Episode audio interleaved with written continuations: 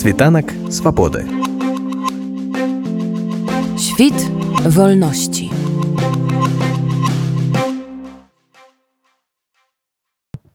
Гэтым разам стартавай кропкай было абрана незвычайнае для беларускіх маршаў месца або раней усе маршы праходзілі выключна на заходнім беразе віслы. Гэты ж марш пачаўся ад кафедральнай базылікі святых Михаіла і Фларыяна. Першая частка маршу праходзіла па мосце шлёнска-дамброўскім праз віслу ў бок замкавай плошчы. Там мы паразмаўлялі з некаторымі удзельнікамі маршу. Гэта дата, якая ў маім сэрцы, якая ў нашай гісторыі, гісторыі Беларусі. І гэта сумная дата. Але можна сказаць, што ў ёй шмат надзеі і сёння ў вачах людзей я бачу гэту надзею. Думаю, што ўсё будзе добра, Нягледзячы на тое, што ў мяне калегі і э, сябра яны ў турмах, але мы тут і мы думаем пра іх і я думаю што перамога будзе за намі. А што персанальна для вас змянілася за гэтыя тры гады? Кардынальна ўсё. Маё месцазнаходжанне. Я не ў мінску я ў варшаве. Моя сям'я ў варшаве. У У мяне няма працы ў Беларусі. Я ўсё прадала ў Беларусі і пачала новую новае жыццё. Але гэта жыццё яно не спадабаецца я ведаю што я страціла і што набыла поэтому я не сумую. А вось дарэчы што вы набылі і што змянілася вось у такім э, сэнсе вось гэтай надзеі і барацьбы і ці змянілася увогуле што-небудзь ці перагорнутая гэтая старонка як кажа лукашенко. Не не перагорнутая яшчэ я бачу шмат людзей якія збіраюцца і я бачу дзяцей і гэта цікава для мяне тому что э, гэта не дарослыя людзі якія супраць улады а гэта дзеці. І нашы дзеці таксама з флагамі. Яны ведаюць беларускую мову яны ведаюць беларускія спевы. І будучыня за дзецьмі. Тры гады таму мы ўсе разам э, хораша адчулі момант выйшлі выступілі зрабілі што маглі на жаль частцы скажем так частка людзей потрапіла выехаць частка не. Это жаўнеры той войны скажем якія засталіся ахвярамі на жаль.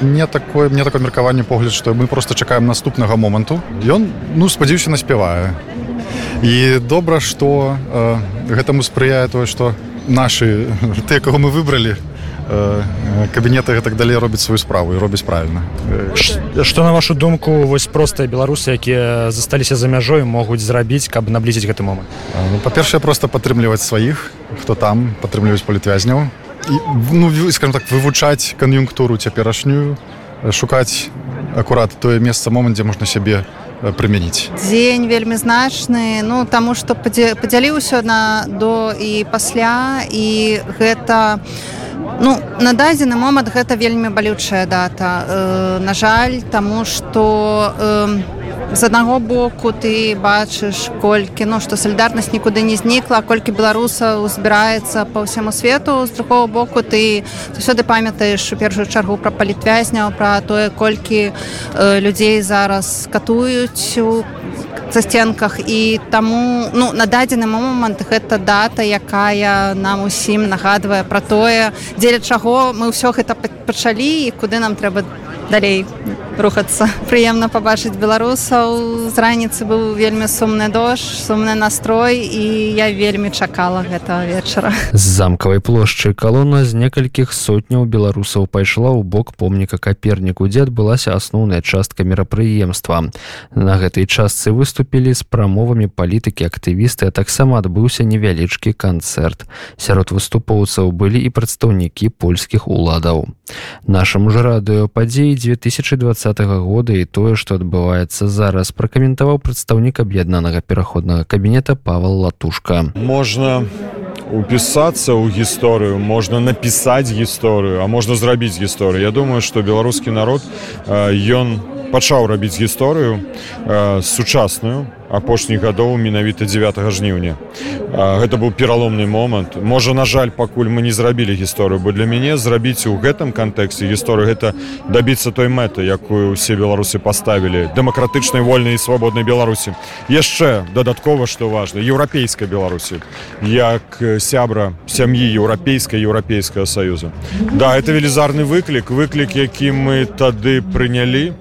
Беларусы весці барацьбу за свабоду дэмакрату але да гэтага выкліку сёння дадалося на жаль яшчэ больш больш грозны выклік. Гэта наша незалежнасць існавання нашай дзяржавы суверэнітэту беларускага народу.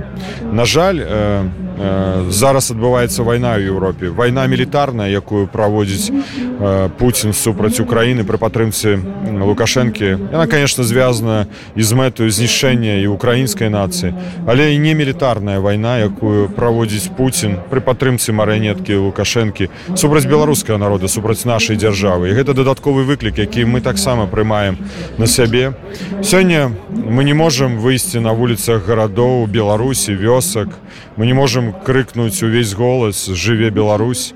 Але мы можемм зрабіць тут і таму сёння праз гэтыя акцыі ў розных гарадах свету мы даем такі імпульс пераказ такі сігнал беларусам якія сёння на жаль жывуць шмат у чым у паўночнай кареі 20 у канцлагеры што мы не павінны здавацца мы будзем змагацца асабліва гэта важна паліць зняволеным асабліва важна ўсім хто рэпрэсаваны это важна ўсім тым хто верыць у волю і свабоду для Беларусі пакольку лукашенко гэта ўсё адсочвае адкажыце яму ці перагорнутая гэтая старонка не старонка александру рыгоровичу не перагорнутая гэта толькі пачатак пачатак пераследу вашага і вашага дрэннага лёсу.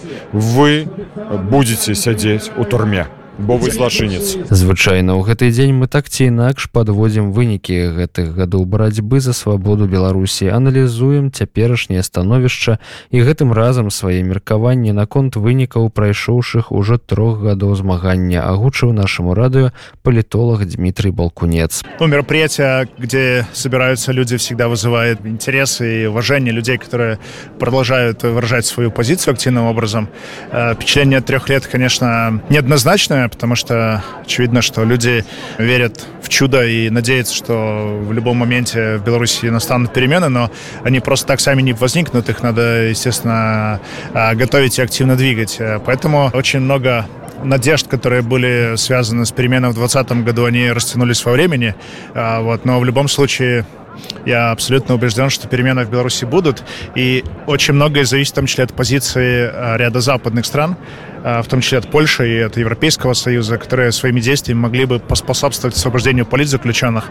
Решение, которое было сегодня озвучено стороны одного из сотрудников польского правительства, я так понимаю, из МВД, который говорит о том, что Польша потенциально может закрыть границу для поездов грузовых из Беларуси в Европейский Союз, намекая, что Китай может повлиять на это, связано с вопросами Вагнера и другой безопасности, но я считаю, что они должны в том числе учитывать интересы политзаключенных. Инициатива, которая была озвучена еще в феврале группой лиц, в том числе от форума демократических сил, о необходимости закрытия границ, она как раз направлена на закрытие границ с целью освобождения политзаключенных. Это могло бы поспособствовать не просто освобождению людей, их спасению, а могло бы повлиять существенно на политическую обстановку и в Беларуси, в том числе поднять интерес людей к политике вообще позитивно быть воспринято. Поэтому если бы Польша все-таки выкатила ультиматум сейчас не про Вагнера, а про политзаключенных, и Лукашенко не отпускает, закрыла границы, это бы имело а, такой, мне кажется, очень весомый результат. И вторая инициатива, которая, мне кажется, чрезвычайно важна в ситуации, связана, с, конечно, с э, открытием уголовного дела в отношении Лукашенко и его окружения в Международном уголовном суде в Гааге. И третья инициатива связана с необходимостью проведения альтернативных выборов в субъектный орган, который будет представлять интересы народа Беларуси. Учитывая, что в феврале будущего года Лукашенко планирует провести парламентские выборы, в кавычках выборы, которые будут, как обычно, сфабрикованы и не будут отражать волю населения, и более того, он запретил голосовать за рубежом, я считаю, что единственной инициативой, которая может иметь основание быть реализованной и поддержанной всеми, кто хочет изменений в Беларуси, это история проведения альтернативных онлайн-выборов и референдума альтернативного онлайн, в котором бы участвовали на абсолютно безопасных условиях все, кто находится и внутри страны, и за пределами, а не ту инициативу, которую отдельные персонажи сейчас продвигают с необходимостью голосовать только диаспоре. Это ничем не отличается от лукашизма, и я считаю, что эта история была бы очень вредна, если сможет быть протащена инициатива голосовать только те, кто находится за рубежом. Это расколет страну, это будет только играть на пользу Лукашенко. Более того, это будет э, еще больше э, разрывать людей, кто в Беларуси, э, те, кто в эмиграции. Поэтому, если мы говорим о выборах, они должны быть доступны для всех граждан. И для этого есть абсолютно готовые технологии. Для того, чтобы это реализовать, нужна ресурсная база в первую очередь, и в том числе поддержка стороны западных фондов, которые могли бы эту идею поддержать и помочь провести такие выборы, тем более, что Европа об этом очень много говорит. Вот это, наверное, три концептуальные вещи, которые, мне кажется, чрезвычайно важно об этом говорить и продвигать. Світанак свободы.